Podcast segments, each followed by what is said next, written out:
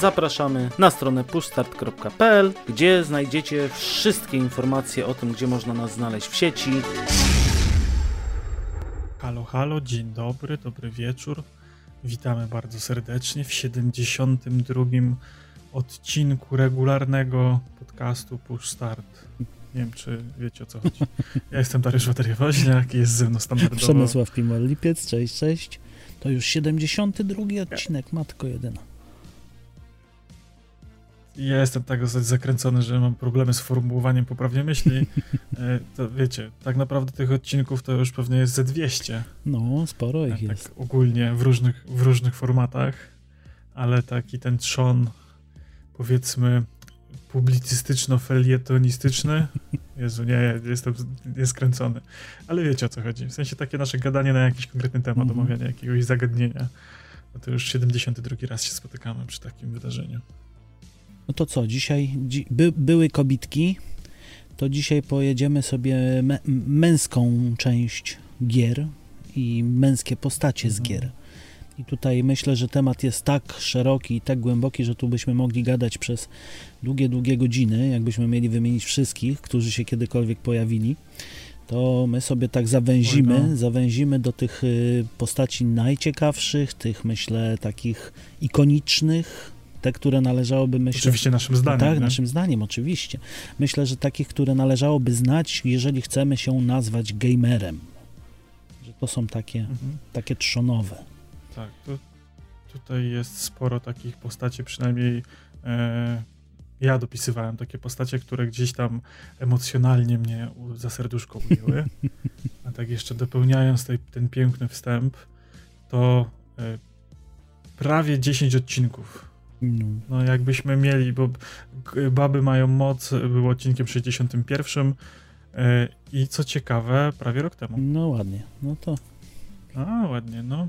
Tak nam się także, także prawie się tak zeszło, yy, więc będziemy dogadywać ten temat. Wiecie, tam, tam ten temat był taki trochę bardziej rozbudowany, wiecie, tam była jakaś takie E, dla, co, co wybierają gracze, jak mają wybór, mhm. dlaczego tych kobiet jest w grach mniej, takie były różne teraz kminy poruszane.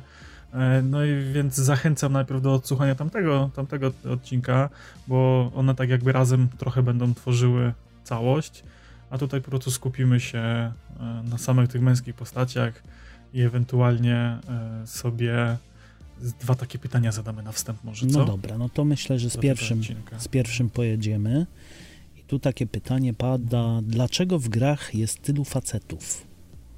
Jak myślisz, Darku? Bo faceci robią gry tak. dla innych facetów. W sensie, wiecie, y, teraz to się trochę pozmieniało, nie? Ale tak na przestrzeni tych lat ta branża kształtowała się głównie tak, że to mężczyźni robili gry głównie dla mężczyzn, tak? I głównie to były, wiecie, jakieś strzelanki, jakieś RPG, ratowanie świata, więc fajnie było się wcielić w rycerza, nie? Mm. Historycznie postać rycerzyny, czy kobiety rycerza, nie wiem jak, jak to że fe, feminat by był. Joanna Dark. To, to historycznie... Joanna Dark. No dobra, ale to ona jako takim rycerzem z sensu stricte no nie chyba była, nie, nie, była, nie? W sensie... Była? Nie, nie tak? była, nie, nie była, chyba nie była, nie wiem, no, ty no. mnie od historii odpytujesz, kurde. Aha, no do, do, rzuciłeś, no to proszę. No dobra, to, to, to teraz pauza, ja się szykuję i jedziemy dalej. Nie, spoko. Nie, żartuję, żartuję, żartuję. Nie, to wiecie, to występowały jakieś kobiety, że tak powiem, wojownicy, -hmm. tak? Czy tam, które walczyły, ale zasadniczo, powiedzmy, taka forma rycerza z tych baśni, no to raczej rycerz ratował księżniczkę, mm, nie na tak. odwrót, nie? Więc y, osadzało się w takiej postaci mężczyznę który ratował ową księżniczkę, czy jakiegoś żołnierza, marina, który przed kosmitami chroni planetę, nie? Dokładnie. I też ma jakąś tam damę w opałach do uratowania, nie? No, albo czasem nawet planetę w opałach, no, w cudzysłowie dama. No planetę w opałach, tak, no ale to nawet wiesz, nawet jak sobie e, jakiegoś Duke'a Nuka, czy, czy ten, to tam zawsze jakaś te, te bliźniaczki tam chyba były, nie? Chyba tak. Które gdzieś tam się przewijały. Mm. Więc wiecie, no to tutaj gdzieś tak y, kobiety zawsze były jako te właśnie damy w opałach. Żeśmy zresztą wspomnieli w tym poprzednim odcinku, nie? Tak, tak. E, więc trochę raczej ten archetyp bohatera e, to był właśnie, że facet musi ratować. No, ale tak dopełniając drugim pytaniem, czyli jak się zmieniło pokazywanie męskich bohaterów, no to właśnie się zmieniło. Raz, że już niekoniecznie ten bohater musi być męski. No to przede wszystkim druga rzecz, że też nie musi być męski męski, w cudzysłowie, nie? Mhm. I niekoniecznie musi być, wiecie, takim bohaterem z krwi i kości. Sporo jest takich e, postaci w grach, które niekoniecznie, wiecie, są tymi takimi herosami Mhm. z, właśnie z tych baśni, tylko są takimi zwykłymi kolesiami, którzy postawieni gdzieś w jakimś tam zagrożeniu, mniej lub bardziej chcą coś zrobić, albo są do tego zmuszani. Coraz częściej się pojawia w grach ostatnio modny wątek ojca i relacji ojca z synem. Mhm. Coraz więcej gier gdzieś porusza, czy, czy ojca z córką, gdzieś opiekujemy się jakimś, jakąś inną postacią, dzieckiem, tak? E, Gdzieś jakaś strata się pokazuje w tych grach. Ci mężczyźni growi tacy są coraz bardziej ludzcy. Już nie są takimi, wiecie, koksami dwa na dwa, e, którzy nie chodzą, tylko biegają. Nie, na, znaczy no, no, tak. No, on, on najpierw się nauczył biegać, potem zaczął chodzić, nie? Dokładnie tak. I on nie podskakuje, tylko przeskakuje. Wiecie, Gears of War i tak dalej, nie? Tylko Mm. już trochę, trochę te historie są takie bardziej ludzkie i poruszające, nie? Bardziej, bardziej pozwalają się, myślę, nawet właśnie facetom wczuć w tą rolę w tym momencie, bo kiedyś to.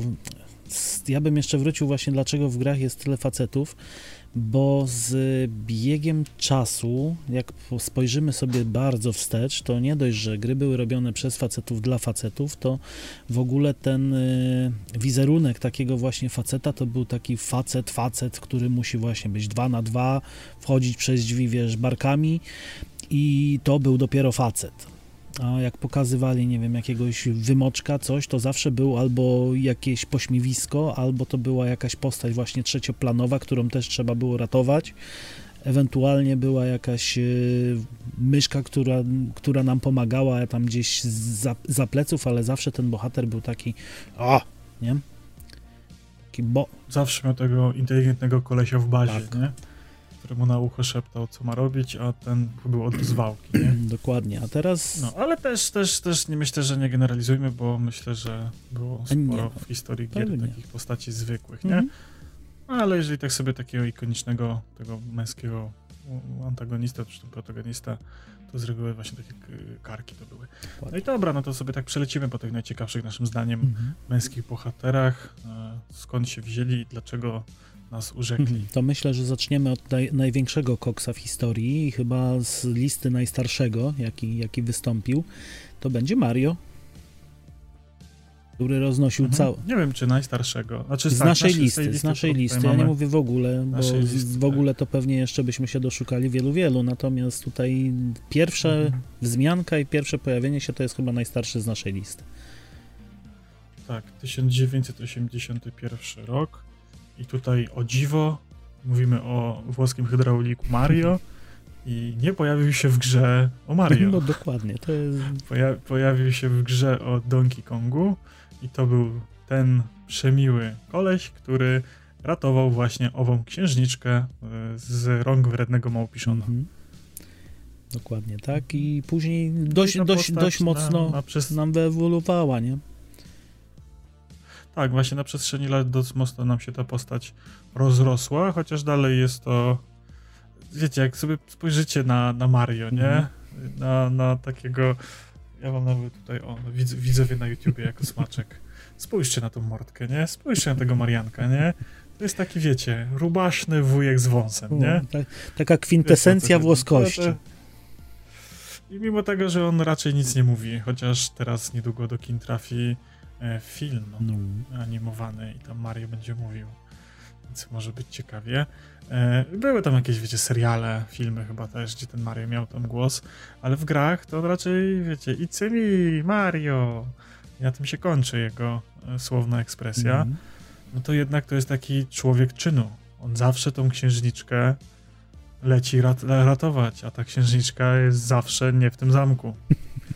Co jest taką piękną alegorią do bycia we friendzone wiecznie. No, I mimo tego, że ona go nie kocha i on nigdy nie zostanie królewiczem, bo jest zwykłym hydraulikiem, Dokładnie. przepychaczem rur, kanalarzem, to on i tak zrobi dla niej wszystko.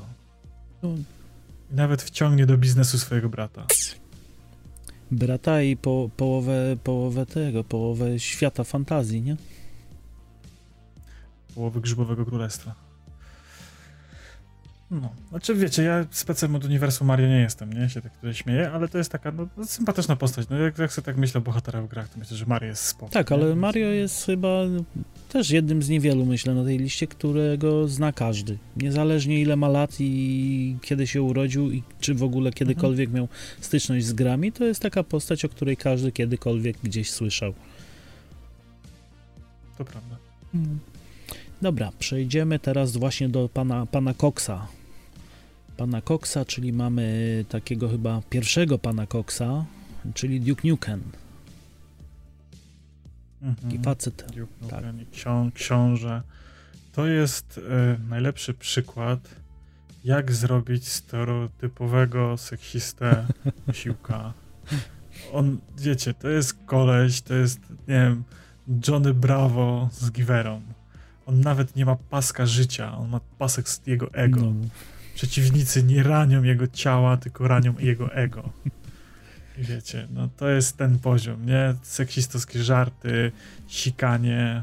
e, A tutaj wszystko, co, co się dało kupą. chyba było w tym wypadku. Przeklinanie. Pierwsze, tak. pierwsze wejście, Macanie kino, kino, cy- cy- kino porno i, i, i rozwałka. Tak.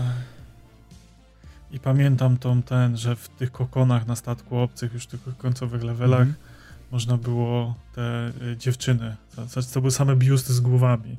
No był Help Me Duke i można było zrobić te honka honka, Tak. nie? Więc to, to wiecie, to jest ten poziom, nie? Ale to jest myślę taka ikoniczna postać, nie? Koleś, y, właśnie fryzura ala Rutkowski, blond, ciemne okulary, cygarko. Koksu 2 wymiary dwa na 2 dwa. na 2 i do tego mega wielka givera, bo on małe, małej broni się brzydził. Zawsze musiał mieć Mhm. jakąś wykokszoną giwerę. I, y, ja bym chciał szczerze poznać taką głębszą historię Duke'a, nie? Bo nawet w tych, wiecie, w tym Duke Nukem Forever, e, które zabiło chyba markę dokumentnie, a i nie było taką tragiczną grą, było złą grą, nie? Ale nie taką tragiczną. Tam jednak ten aspekt fabularny i tej historii tego Duke'a nie, nie, nie jest jakoś tak bardzo poruszany. No poza tym, że od samego początku widać, że to jest, wiecie, Buc. prawdziwy męski Tak, mężczyzna. to jest prawdziwy Duke. 110%, 110% mężczyzny w mężczyźnie. Mhm. Wiecie, co mam na myśli. No, ale powiem, powiem, powiem szczerze, że nawet szykując się do odcinka, szukając jakiejśkolwiek informacji loru, czegokolwiek, jakiejś historii, to jest bardzo niewiele o Duke'u op- opowiedziane. Skąd się wziął? Nie, no nie, to jest nie ta era, nie? W sensie to jest 91 rok, to tam Nikt nie myślał o fabule. nie było potrzeba, żeby, żeby się dobrze bawić. Pewnie. No to jak mamy Duke'a, no to może przejdźmy sobie do kolejnego Schleiera, czyli Doomguy. Mhm. 93 rok, gra Doom. I tutaj, kurde, szczerze, ja aż tak... Y, poprawka w agendzie. Ja specjalnie napisałem to. Wiem, ale później skopiujesz i będzie, wiesz. No i tak mogło, tak, tak miało być. No dobra. Że to, dość, że ten, dla, nie, dla niewtajemniczonych, nie? W sensie mamy agendę i w agendzie było napisane Doom Gay. I, I Przemek naprawiał, żeby to było prawidłowo. Ale, Dobra, zostawiam tak, jak miało być. Tak, to taki żarci śmieszek. W sensie dla mnie ta postać, ja nie wiem nic na ten temat. To jest dla mnie jeszcze bardziej y, hydrozagadka niż Duke, To znaczy tak, Doom, on, oni mnie wymienili. Doomguy? W już ma sensie większą W tych nowszych historię. Doomach bo on z założenia na samym początku to był e, człowiek, marin, który po prostu został w, zdegradowany ze swoich tam funkcji, e, bo generalnie historia Duma przecież dzieje się chyba na Marsie, jeśli dobrze kojarzę, mhm, tak. i tam otwierają się wrota do piekieł. I on Tak. po właśnie degradacji chce się odkuć, pokazać jaki to on jest zarąbisty i tak dalej. Właśnie idzie ratować tego Marsa przed, y, przed demonami i próbuje zamknąć y, te wrota. Natomiast w nowych odsłonach on już chyba nie jest człowiekiem do końca. W tych nowych odsłonach to on chyba jest człowiekiem, tylko on się przez przypadek tam tak jakby e, on ulega wypadkowi, w sensie kurczę też, też jakoś tam nie Mhm. wchodziłem w tego, w tego lora bardzo głęboko. W każdym razie on tak jakby przez y, nie do końca z własnej woli staje się tym tytułowym Doomguyem, Mhm, nie? Tak. No ale on jest tutaj takim właśnie mega, mega koksem. Był, to jest były Marin, który po prostu ratował jednostkę na Marsie i zaczął walkę z, z demonami. Próbował odratować wszystko, żeby te demony nie przeniosły się też na Ziemię. No i tu podobnie. Tak. Facet 2 na 2 zakryta twarz. Tu jest właśnie tak, że jego twarzy prawie nigdy nie widzimy, bo on jest w tym kostiumie kosmicznym. Yy, Co dodatkowo? No tu to już w ogóle jest yy, przerost broni nad wszystkim chyba, nie? Ale y, Tomb Slayer chyba nie jest zbytnio gadatliwy i nie jest tak ordynarnie obrzydliwy i seksistowski. Nie, on nie jest chyba w W ogóle sensie on się seksistowski. tylko na, na tych... Tak, on tam nie, nie ma, no ma pasek życia, nie ma paska, nie, nie, to nie jest ego, tylko to jest jego życie, wiecie. To jest trochę spokojniej. Mhm. To jest taki, no typowy wojak bardziej, nie? No, tak jak mówię, typowy marin taki, ale to jest taki marin zafiksowany na tym, że był w wojsku i on musi tutaj uratować całą, całą planetę. Mhm. To jest taki typowy heros. Okej, lećmy. Lecimy dalej. No to troszkę, troszkę młodsze, młodsze postacie i tutaj bardzo długo się zastanawiałem, bo ja wpisałem Ezio z Assassin's Creed, czyli Ezio Auditore. Mamy włoskie De Firenze. De Firenze, tak, sorry. Yy, włoskie wcielenie tutaj yy, asasinów i zastanawiałem się, czy nie wpisać Altaira. Ale Altair nie był dla mnie aż taki ikoniczny i kultowy jak Ezio. Ezio jest jakoś dla mnie taką... Altair, e, Altair, w sensie to jest tak, e, jeżeli grało się w gry, Mhm. to Altair jest relatywnie mało ciekawą postacią. Tak. On jest mało zarysowany, bo to jest pierwsza gra i tam się, no coś tam o nim wiemy, ale w- o samej grze niezbyt wiele. Ale jak już powiedzmy jesteśmy w tych grach bardziej do przodu, Mhm. powiedzmy tą trylogię, tych pierwsze trzy asasyny, których było pięć, Sześć? Sześć? pięć, Sześć? trzy, cztery, pięć, pięć. Sześć. Trzy, Dwójka, Trzy Brotherhood. dwójki, No tak, Brotherhood. O dobra. Dobra, okej. Trzy dwójki. Revelation, trójka, Tak, tak, jedynka. tak, pięć, sorry. E, tak. E, I mamy tam jeszcze jakieś książki i filmy takie krótkometrażowe, Mhm. które były e, wypuszczane. To powiedzmy, możemy sobie bardziej ten obraz, i tam jeszcze jakaś gra na PSP była, e, gdzie Altairem się grało. Mhm. Mm, To wiecie, możemy sobie ten, tą postać Altaira, Altaira bardziej zbudować i nakreślić jako powiedzmy kogoś spoko, nie? Mhm. ale jeżeli sobie weźmiemy samego Ezio na tapetę, który był w trzech grach i właściwie znamy go od narodzin, bo w pierwszej scenie dwójki e, tam ruszamy rączką świeżo narodzonego Ezia i nóżką, Tak. E, jest taki, wiecie, samouczek, e, no to praktycznie do jego e, śmierci No prawie, że. historię, e, do jego późnej starości i, i tutaj jest e, od właśnie takiego dzieciaka, e, wiecie, Nastolatka. Taki typowy, stereotypowy Włoch, taki, nie? Mhm. Że on sobie tam FIFA, Rafa, duperki, panienki, renesans style, nie? Wiecie? Tego typu bujeczki, typowy taki, po, dzisiaj byśmy powiedzieli bananowe dziecko, Zawadiaka. nie? Z, z Ja bym to tak nazwał. Włoski z zawadiaka. rodziny. Tak, ale wiesz, z bogatej No rodziny tak. i tak dalej, nie? I nagle świat mu się trochę wali na głowę i, i trzeba sobie z tym jakoś poradzić. I, I trochę sobie z tym radzi, próbuje, staje się tym, wiecie, asasynem, potem szefem bractwa, na końcu już jest takim, wiecie, starym badasem, już się tam nie cyrtoli. Mhm. I ta historia jest całkiem spoko, ewolucja tej postaci też jest całkiem spoko. To jak on powiedzmy stara się dbać o tą rodzinę, tam wiecie te wątki z tym młodszym bratem, e, z- tam z siostrą, e, z matką, wiecie, tam no sporo tego jest, nie? No generalnie z No, całym jakiś bractwem, nie? jest. nie dość, że bractwo, to jeszcze cała rodzina dookoła, ale właśnie to jest takie fajne podkreślenie tej jego włoskości, bo jak wszyscy wiemy, dla Włochów rodzina jest najważniejsza. Dokładnie, taki trochę właśnie klimaty tam mafijne wchodzą, wiecie, tam, Mhm. jak, tam, się, tam się sporo dzieje. Też książki tam z tego co pamiętam całkiem fajne były z tym Ezio. Chyba Są, są, są na pewno, bo Mhm. nie czytałem, ale wiem, że są. Ja trochę czytałem, wiem, że tam różne były historie i różne mniejsze, większe. Mhm. Zecjo, nie Zecjo, więc e, więc to jest dość ciekawa postać, dość ciekawie narysowana właściwie na, na przestrzeni tych kilku gier. I mam wrażenie, że im właśnie więcej gier, tym te postacie fajniej są narysowane. To znaczy przede wszystkim też to, że bardziej możemy poznać zawsze ich historię, jakiś tam background, właśnie mhm. tutaj dlatego Ezio, bo jego mamy całego, od A do Z. Chyba w żadnej późniejszej, mhm, wcześniejszej odsłonie nie było czegoś takiego. nie, po koksa. No. Mhm. no. dobra. To jest spoko, że właśnie jest ta ewolucja. Teraz przechodzimy okay, dla, dla twojego dalej. ulubieńca. Dla mojego. Geralt, Geralt z Rywi. Wiedźmin 2007 e, rok. No i tutaj kurczę, ja trochę będę nieobiektywny, bo będę zahaczał też pewnie o e, książkową kreację samego, samego Geralta. E, no ale nawet jeżeli sobie tak popatrzymy na, na to, co było w grze, e, no to wiecie, mamy Wiedźmina, który mimo tego, że jest tam jakiś ten kodeks wiedźmiński, mimo tego, że jest mutantem wypranym z uczuć, no to jednak jest dość mocno emocjonalną postacią. Ma przyjaciół, ma jakichś bliskich, e, zawiązuje jakieś e, sojusze mniejsze lub większe, e, dotrzymuje obietnic, stara się, wiecie, że tak powiem, postąpić.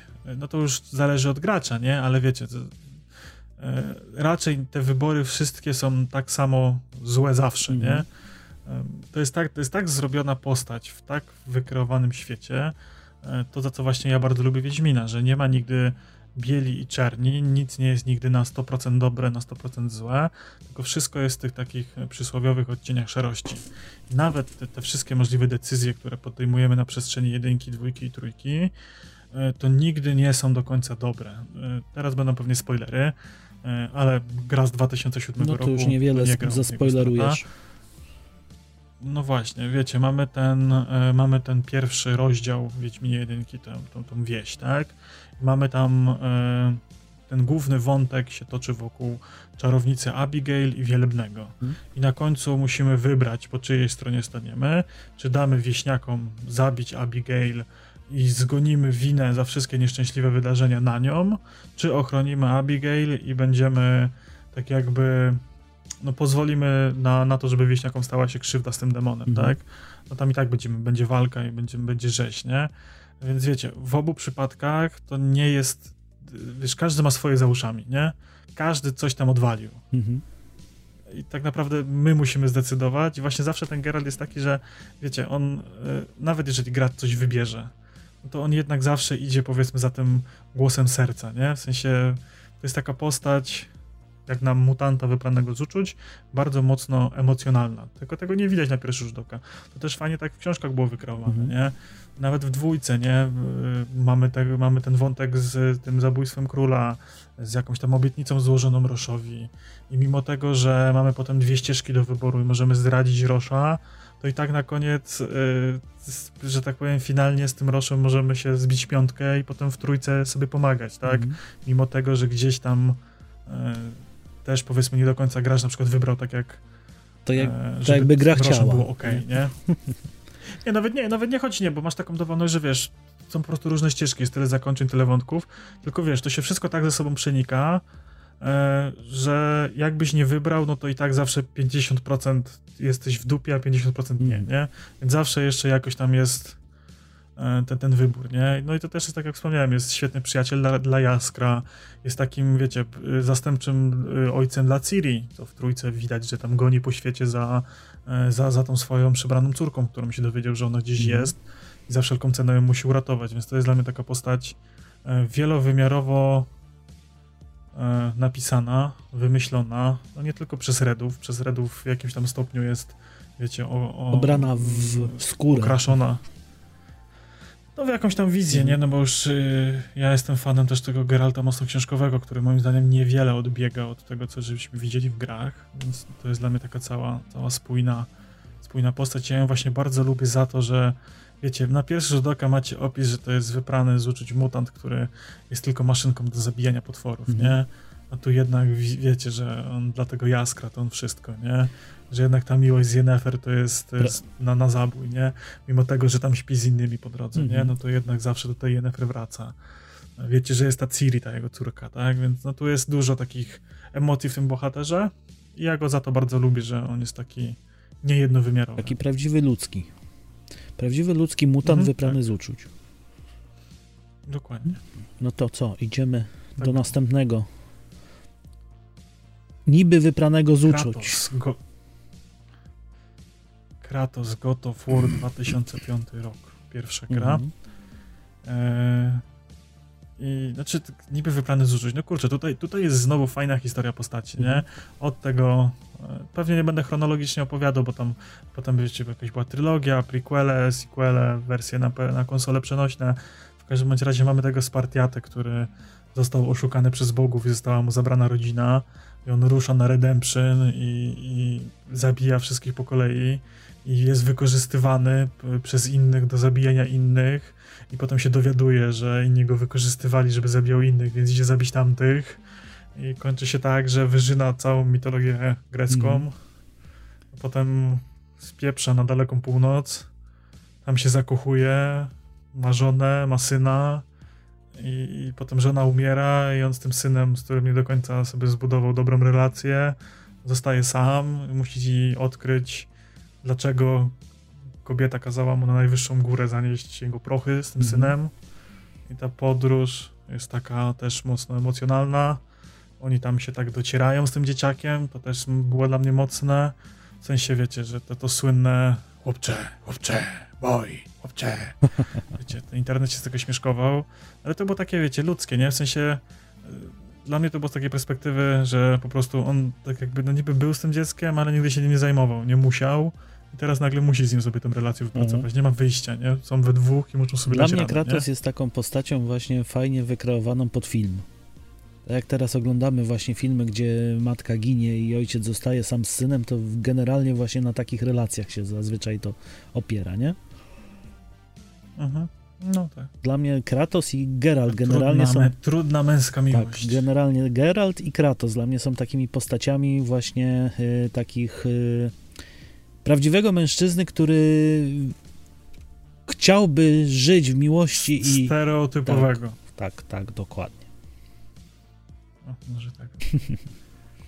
Stereotypowy mężczyzna, który wiecie, niby jest, opiekuje się tym żoną, dziećmi, nie, ale wiecie, że to lata 90. wraca z roboty, zakłada papucie, siada przed teleekspresem, mielone na obiad, piwo do ręki, e, reszta się ogarnia sama, No nie? tak. A później się zaczyna problem. nagle się okazuje, że, że, że już się reszta sama nie ogarnęła, tylko trzeba to samemu ogarnąć, jednak są te dzieci, Mhm. nie? No dobra, to przejdźmy do, do dzieci teraz w takim razie, męskich dzieci, czyli co, mamy Linka. To w sumie nie wiem, czy takie z dzieci... Legend of Zelda. Mhm. Legend of Zelda, pierwsza gra 1986 rok. I teraz uwaga, dla ludzi, którzy y, nie wiedzą, że istnieje coś takiego jak Nintendo, Mhm. ale słyszeli tylko, a i, i to jest najlepsze, ja znałem takich ludzi, których uświadomiłem. Mhm. Legend of Zelda, tytuł gry, główny bohater, ten ludzi, którym To sterujemy. nie jest Zelda. Nie nazywa się Zelda. Zelda jest księżniczką. A Link to jest ten, wiesz, to jest to jakby y, w Super Mario Bros. nazywał się y, Super y, Peach Princess, a biegało się Marianem, No nie? tak. Wiecie, to jest ten case. Zrobili grę, która w tytule ma inną postać niż gra. I przez dużo ludzi o tym nie wie, w sensie znałem takich ludzi, ja ich uświadomiłem, ale tak było. Najzabawniejsze, jest, najzabawniejsze, że w ogóle oryginalne imię Linka to jest Rinku z japońskiego. To nie jest Link. Aż, aż tak to nie, nie siedzę w tej serii. ja, Grałem ja też nie, po prostu i- Wikipedia mi podpowiada czasem parę rzeczy, więc Aha. ja tutaj takie ciekawostki wyciągam. Bo to też jest fajne, że właśnie Ja z, się, tu, ja się tutaj ba bardzo nie wypowiem na temat Linka. z, z imieniem właśnie jest duży problem, bo wszyscy myślą, że to jest Zelda, później, że to jest Link, a tak naprawdę się nazywa Link, Ri, Rinku. No dobra. Możesz poopowiadać, bo ty na pewno znasz tą postać. Wiemy, że to jest młody. No właśnie, młody, właśnie zielony nie, chłopczyk. W sensie... To nie jest zielony, to jest zwykły chłopczyk i No, da, no. w jakiejś tam grze miał zielone ciuszki. To znaczy, z, A t- w Breath of the Wild ma niebieskie. No nie, jest goły na początku. to z takich ciekawostek to jest y, jedna z niewielu leworęcznych postaci męskich w grach. to generalnie są wszyscy praworęczni, a Link jest leworęczny. Naprawdę? No. Ej, kurde, poczekaj, bo ja, ja naprawdę, ja... E, Nie dość, że przeczytałem, Nie wiem, w sensie ja nie, nie dość, że przeczytałem w Wikipedii właśnie o tym, to jeszcze sprawdziłem specjalnie i faktycznie jest leworęczny. W lewym ręku nosi miecz, w prawym nosi tarczę. ja, wiecie, grałem w, w, w Zelda tam Breath of the Wild przez długi okres czasu. Dużo godzin tam spędziłem, ale... No i tam grałem w jakieś, wiecie, tam mniejsze, mniejsze tytuły. W sensie mniejsze tytuły w Cadence of Hyrule i w, w jakiś tam remake. Mhm. Nie, nieprawda.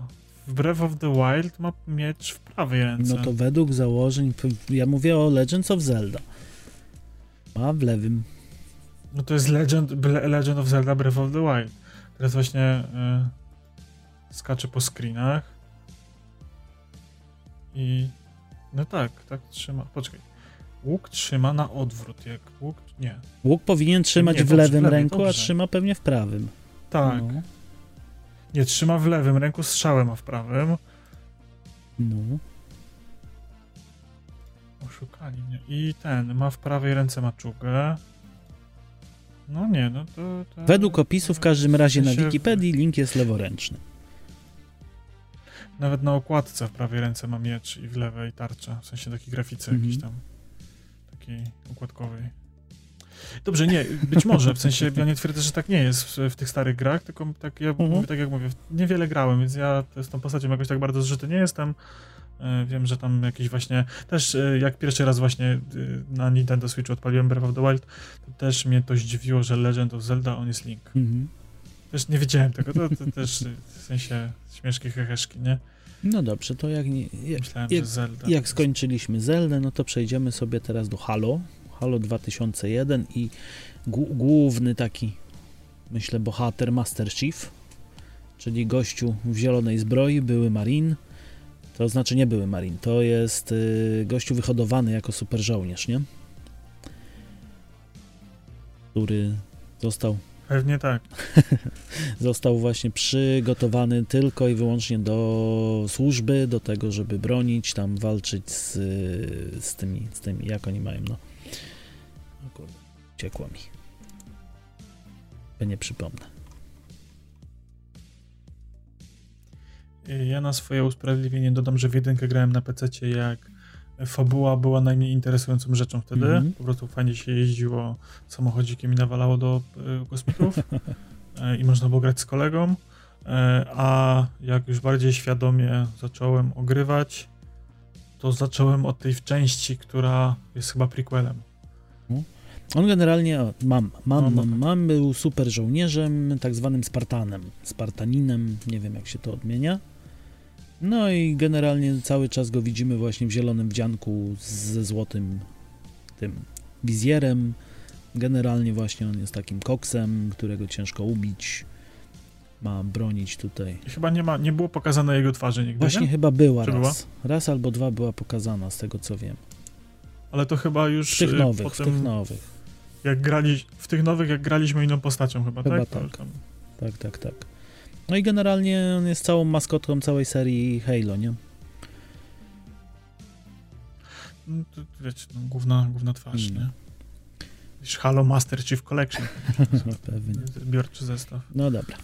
To przejdziemy też do jednej z bardziej znanych postaci i takich myślę, to jest bardzo ikoniczna postać dla mnie ze względu na to, że chyba każdy go zna, czyli Prince z Prince of Persia, czyli sam książę, który pierwszy raz pojawia nam się w 1989 roku.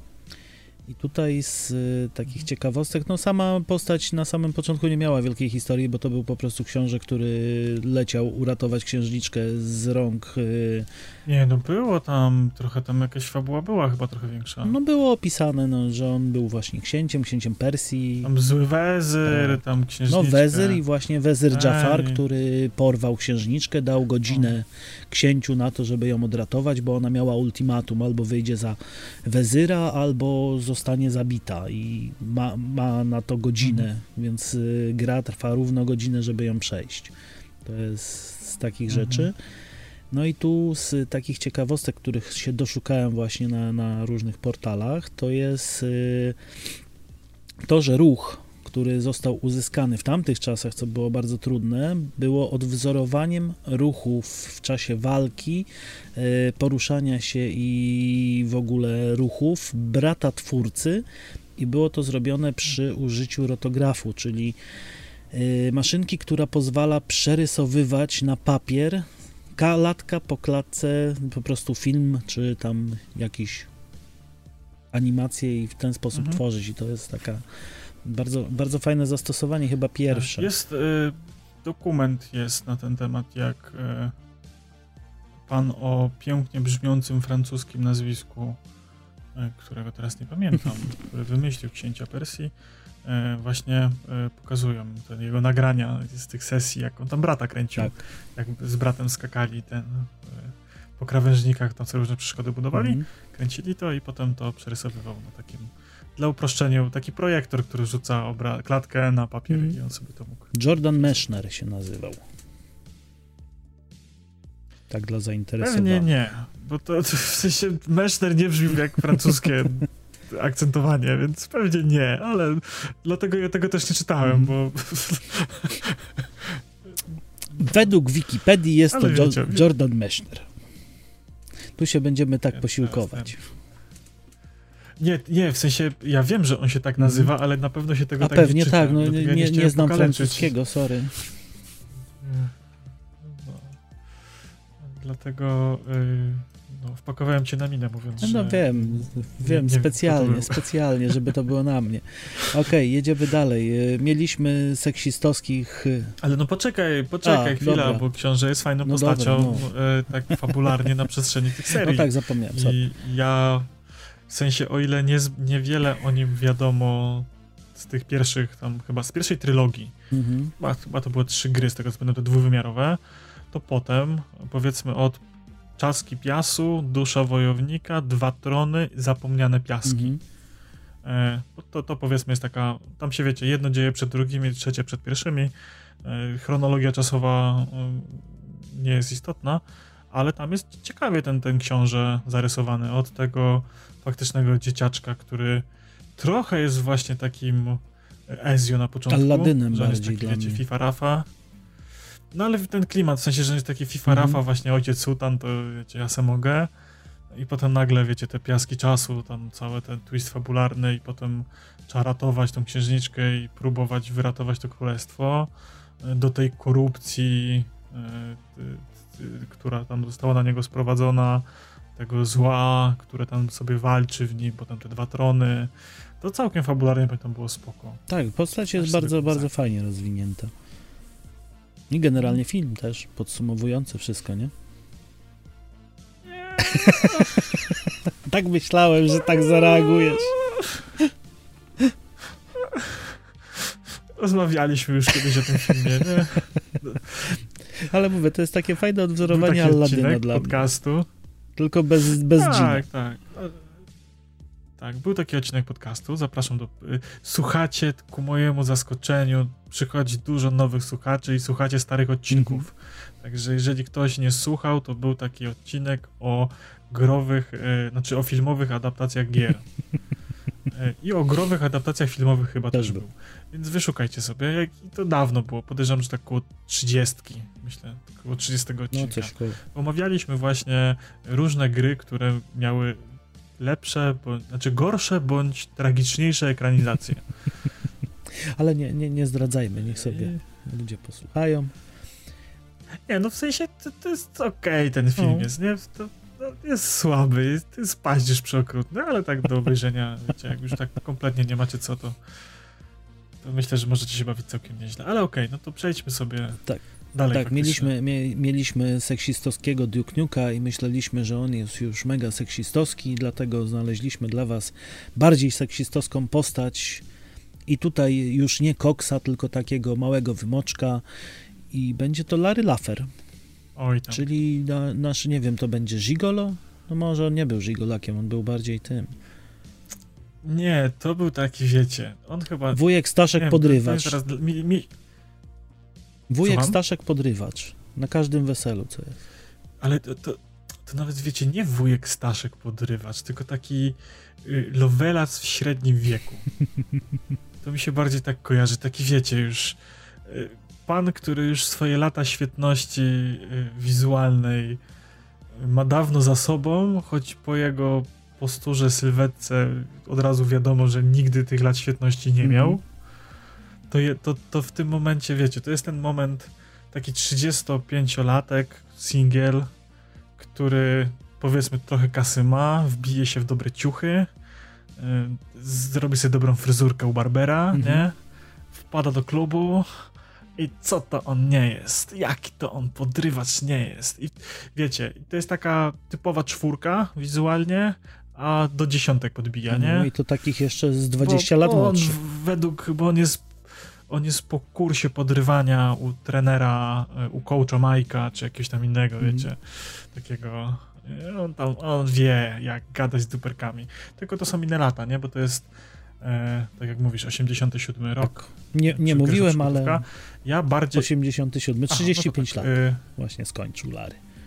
Ja bardziej kojarzę tą wersję e, Statek Miłości Tak, chyba. siódemka. Tam był z, z polskim dubbingiem mm. to mhm. było. I tam Katarzyna Figura grała panią kapitan. I mimo tego, że w tej grze nie było scen seksu, to ona jednak była taka strasznie, kurde, podtekstowa na każdym kroku. No. I, ale o to chodziło w tej grze, to już od jedynki było wiadomo, że to ma być podtekst, ale siódemka chyba faktycznie tutaj przebijała już wszystkie poprzednie części i tam już było tak grubo, grubo. Bo była po polsku, bo była po polsku. A ja też miło wspominam tą nową, taki remake, reboot. No ja właśnie nie, nie zagrałem. Master. Nie, nie znam. Fajne to było. W sensie takie było przyjemne wiecie, to jest taki typowy rubaszny, właśnie wujkowy humor, mm. nie? Właśnie weselny, nie? No, cześć maleńka, bardzo polałek, spadłeś z nieba. No, taki jest, wiecie, to jest kurdupel, knypek, to jest jakiś tam metr 40 w kapeluszu. To, ja tego kojarzę właśnie z, tej, z tego białego takiego garniturku, tak. nie? I tu pecika na głowie. To jest takie śmieszne. No. Tak, tak, taki Johnny Bravo, tylko bez wyglądu Johnego Bravo. To jest strasznie śmieszne i urocze, ale taka postać, która faktycznie zapada w pamięć. No to...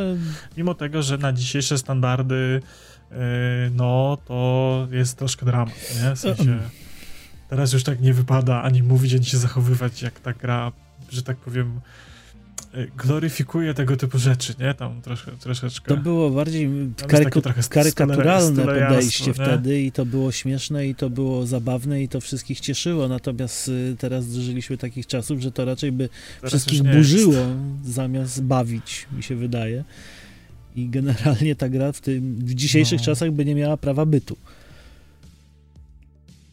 Tak, trochę tak. Chociaż, chociaż niedawno był ten remake, czy tam mm -hmm. No ale to myślę, że już bardziej, wiesz, Dobrze. to była kwestia nostalgii i tego, żeby jeszcze połapać tych, co się wtedy tym cieszyli, a myślę, że do młodszego pokolenia już niekoniecznie by to przemawiało. No jasne. Dobrze, lećmy mm -hmm. dalej. Nathan Drake, seria Uncharted, pierwsza gra 2007 mm -hmm. rok. E, no i to jest... To jest właśnie, kurczę, to jest trochę dziwne, w sensie Wiecie, to jest y, męski odpowiednik Larry Croft z Tomb Raidera. E, I oni to zrobili tylko dlatego, że nie mogli mieć Tomb Raidera, to stwierdzili, że zrobią, wiecie, zrobimy na to na Drake'a, nie? Zrobimy Indiana Jonesa, mhm. który, to jest takie trochę zderzenie, wiecie. Ja strasznie lubię tą grafikę, e, jest taki obrazek, że jest y, Lara Croft i Nathan Drake, którzy kłócą się tam o skarb, a y, po, powstrzymuje ich Indiana Jones, mówiąc do nich, uspokójcie się dzieciaki, nie? I to jest takie bardzo, bardzo trafne moim zdaniem, bo wiecie, Indiana Jones to jest ten protoplasta poszukiwaczy przygód, poszukiwaczy skarbów. A właśnie dobrze pasuje do takiego opisu, że Nathan Drake i, to, i Lara Croft to są takie trochę jego dzieciaczki, że tak jakby na jego, pod jego kapeluszem wyrosły. I tą spuściznę w jej dadzie, wiecie, no, skacze, te wszystkie takie epickie akcje. Postać też ma tam jakieś, wiecie, e, fabularnie jest spoko napisana. E, o tam od tego dzieciaka, że on tam ten pierścień i w ogóle ten potomek Sir Francisa Drake'a z tym bratem we więźniu, coś tam uciekali. Życie na ulicy, potem poznał Saliego, skumplowali się. E, to jest całkiem spoko, spoko ta historia. Te gry są bardzo fajnie napisane. Jedyny jaki zarzut mam, no to to jest ten dysonans ludonarracyjny, że Nathan, Nathan Drake zasadniczo to on się trochę tak przyci przemocą i on by tak do nikogo nie strzelił. To nie zmienia faktu, że 5 minut wcześniej zastrzelił 30 typa w gameplayu, nie? I to tam troszkę taki, to troszkę tam to nie jest okej, No nie? ale to było podobnie z Larą na początku, nie? Z tej nowej serii, że niekoniecznie Bambiego zabije, ale później wyrżnę pół, pół wiochy. No, no właśnie, jest to troszkę tak ten. No ale cóż, takie może czasy, że narracja od gameplayu się musiała różnić. Natomiast, y, no ja tą postać lubię. To jest taki, to jeszcze ten z da, polskim dubbingiem Buberka, to tam pasuje idealnie. Taki wiecie, FIFA Rafa koleś. Strasznie go lubię. Dobra, Dobrze, lećmy to dalej. teraz idziemy do... E, Max, Max Payne, 2001 rok, w grze Max Payne. I to jest, kurde, najbardziej tragiczna postać z historii gier wideo, jaką w ogóle sobie możecie wyobrazić. Na przestrzeni trzech gier koleś trzy razy stracił wszystko, nie? No bo to jest kwintesencja upadku mężczyzny. Dla mnie. Ale to nawet, kurde, to nawet nie jest, wiesz, kwintesencja upadku mężczyzny, bo to jest, powiedzmy, tam, no okej, pierwszy Max no Payne, no to faktycznie, wiecie, koleś, agent policji, który, czy policjant, który gdzieś tam jest zwykłym detektywem, stara się e, jakoś tam przeżyć e, godnie, ma tą żonę, ma tą córkę w drodze, proponują mu awanse do, do sekcji DA i zajmowanie się tam sprawami narkotykowymi i tak dalej, ale on nie chce, bo wie, że to jest niebezpieczne. E, Po czym e, ćpuny zabijają mu żonę i dziecko, now, now, mało, świeżo narodzone, nowonarodzone dziecko i on, wiecie, e, załamuje się, ale przekuwa to chęć zemsty i zostaje tajniakiem właśnie w tym antynarkotykowym i on chce tą rodzinę mafijną, która te narkotyki na tą ulicę sprzedaje od środka i tam się, wiecie, potem wszystko sypie, cała intryga, e, po czym poznaje e, tak jakby inną dziewczynę, potem jest ta dwójka, że on z tą dziewczyną tam coś kręci yy, i w ogóle ona też na końcu znowu ginie, też znowu traci wszystko, a potem po latach go widzimy jako degenerata, który ibuprą przepija gorzałą jest ochroniarzem w Brazylii jakiejś bogatej rodziny i też daje dupy, bo porywają tam jedną typiarę chyba i zabijają mu tych, tych ludzi, co oni tam mają ich chronić i trochę mu nie wyszło i on znowu taki redemption próbuje ruszyć. No dlatego, To też jest takie cały, cały czas, wiesz, dlatego naz, człowiekowi... nazwałem go po prostu takim prawdziwym upadkiem mężczyzny. Od przykładnego pana policjanta do po prostu takiego zapijaczonego dna, które nie wiem, no, nie, nie potrafiło sobie poradzić nawet z najprostszą ochroną człowieka, nie? Ale wiesz, bo to jest taki trochę przykład tego, że e, jakbyś bardzo nie próbował walczyć po stracie wszystkiego, jakbyś się bardzo nie podniósł, to jak tylko ci się uda stanąć na nogi, to znowu zostaną przecież przetrącone kolana, nie? Dokładnie. I on już, w pewnym momencie totalnie nie ma siły, ale dalej próbuje, nie? On dalej, mimo tego, że właśnie jest już zapijaczony, zaćpany tymi przeciwbólowymi, nie? No to dalej próbuje. Mhm. No dobra. Jego też jako postać całkiem lubię. Taki jest charyzmatyczny. Ja go kojarzę z tym, wiecie, z głosem e, nie Cezarego Pazury. Jak był bratu Pazury? Drugi? Radosław. Radosław, tak. Radosław Pazura. Radosław Pazura. Dajcie ten głos. Dla mnie, dla mnie Max jest takim protoplastą, przynajmniej pod filmy dla Punishera. Przynajmniej z jedynki. Myślę, że był mocno wzorowany pewnie, Mhm. nie? W sensie w jakimś stopniu, wiecie, czarny płaszcz, takie klimaty, trochę noir, e, trochę też, że bo tam to wszystko tak ci mafiozi wytegocili. To wiecie, to Mhm. e, Szwedzi? Szwedzi? Sam, Sam Lake? Chyba tak. Szwedzkie studio? tak. Albo filandzkie? Sk- skandynawskie Skan- na o. bezpieczeństwo. Ja mówię wam, ja, ja ostatnio nie mam głowy do, do, do, do takich rzeczy. Będę się tłumaczył, nie? Nie oszukujmy się, Więc, krótko się e, przygotowywaliśmy do tego odcinka, więc nie będzie jakoś. Ja w ogóle. Ja w Jedziemy ogóle. na żywca. No, w Tak, totalnie zgubię. Dobra.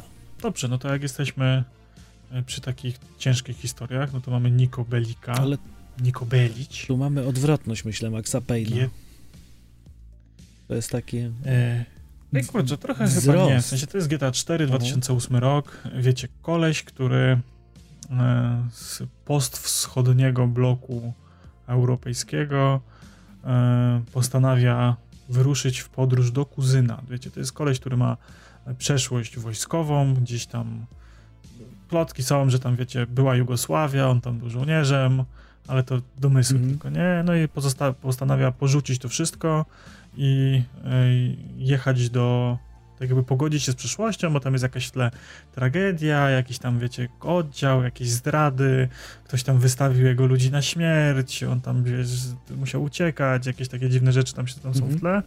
E, No i on jedzie do swojego kuzyna, który mu e, w listach opisywał e, chwałę i sławę i bogactwo, że jak to mu tam świetnie się nie żyje. Amerykański czym na sen. miejscu okazuje się, że to... i- Amerykański sen wtedy. Tak, tak, amerykański sen e, i, i on na miejscu okazuje się, że jednak nie, że jednak jest kiła e, i mogiła i brud, smród i ubóstwo i że jednak ten e, Roman to sobie tak świetnie nie radzi. Mhm. No i trzeba sobie tam jakoś poradzić, nie? Że się niewiele umie poza zabijaniem, no to wchodzą jakieś, wiecie, znowu kontrakty z gangami, porachunki i tak dalej.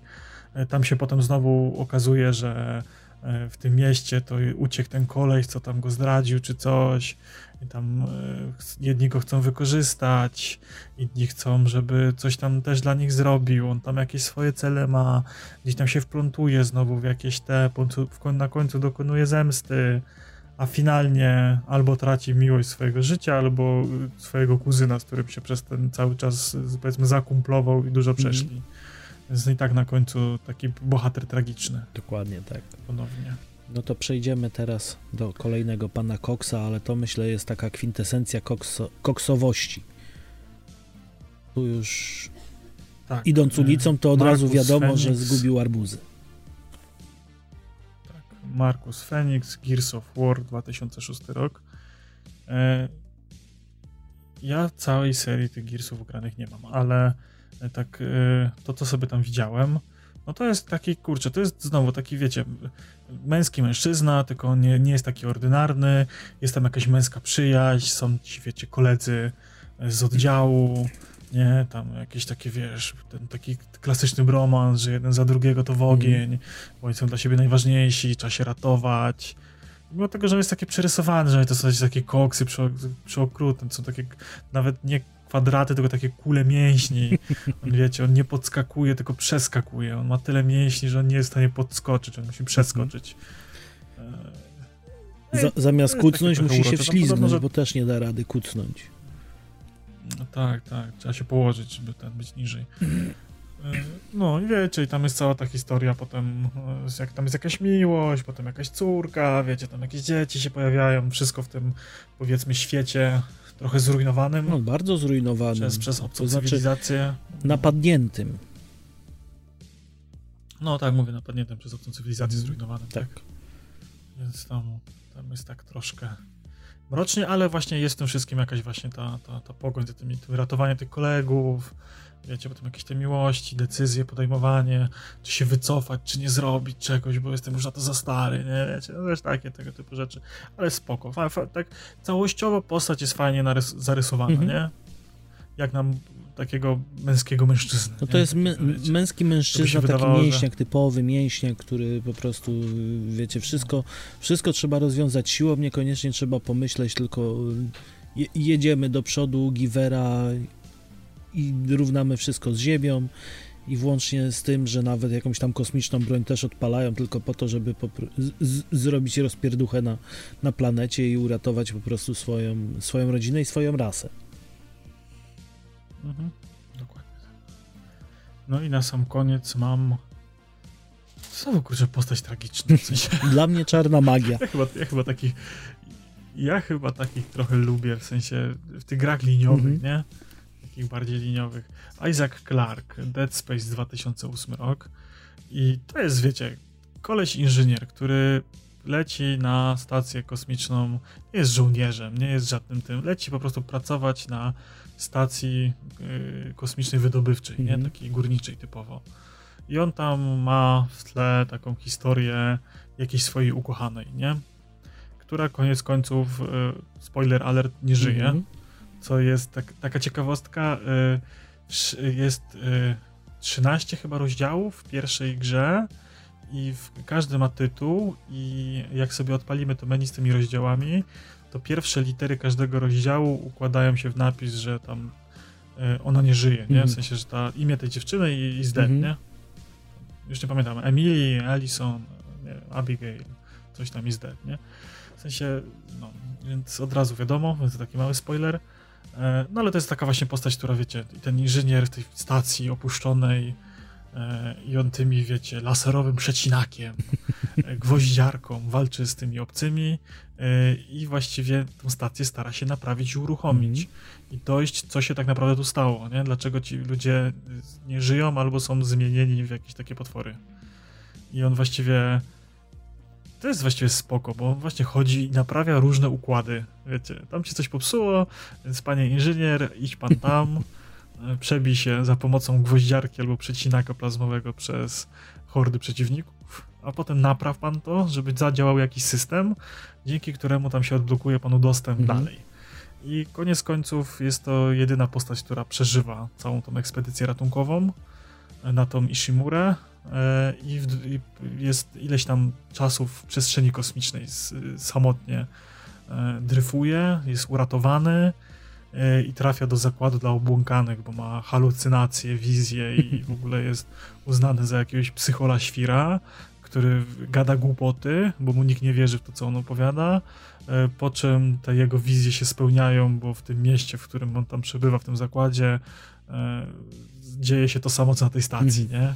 Powiem ci tak, bo I on znowu... ja, ja powiem od razu, nie grałem nigdy w Dead Space'a, nie znam Isaaca Clarka, ale tak jak słucham yy, wywodu Darka, to widzę replay z obcego, tylko w wersji męskiej. Tak, wiesz, bo tam jest dużo takich nawiązań, w sensie nawet wygląd tych stacji to jest bardzo Mhm. podobny.